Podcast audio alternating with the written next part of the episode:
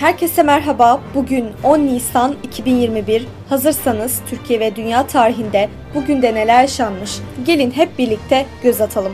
Dünya tarihinde bugün yaşananlar. 837. Halley kuyruklu yıldızı dünyanın yakınından geçti. 1815. Endonezya'da Sumbawa adasında Tamborawo ikonik dağı püskürdü. Dağdan çıkan lavlar, küller ve dumanlarının doğrudan etkilerinin yanı sıra açlık ve salgın yaratarak 100 bin kişinin ölümüne sebep oldu.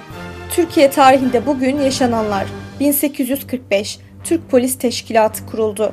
1928 Türkiye Büyük Millet Meclisi anayasanın ikinci maddesini değiştirdi. Söz konusu maddeden Türkiye Devleti'nin dini İslam'dır bölümü çıkarıldı. Milletvekilleri ve Cumhurbaşkanı yemin ederken vallahi yerine namusum üzerine söz veririm denmesine karar verildi. 1931 Ankara'da toplanan Türk Ocakları Olağanüstü Kurultayı, Türk Ocaklarının fesine ve mallarının CHP'ye devredilmesine karar verdi. Bugün ölenler 1931 Lübnan asıllı Amerikalı ressam, şair ve filozof Halil Cibran hayatını kaybetti.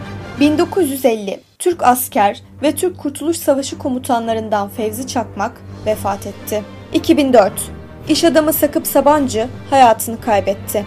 Bugünkü bültenimizi de burada sonlandırıyoruz. Programımızda tarihte gerçekleşen önemli olayları ele aldık. Yarın da tarihte neler olduğunu merak ediyorsanız bizi dinlemeyi unutmayın. Yarın görüşmek üzere.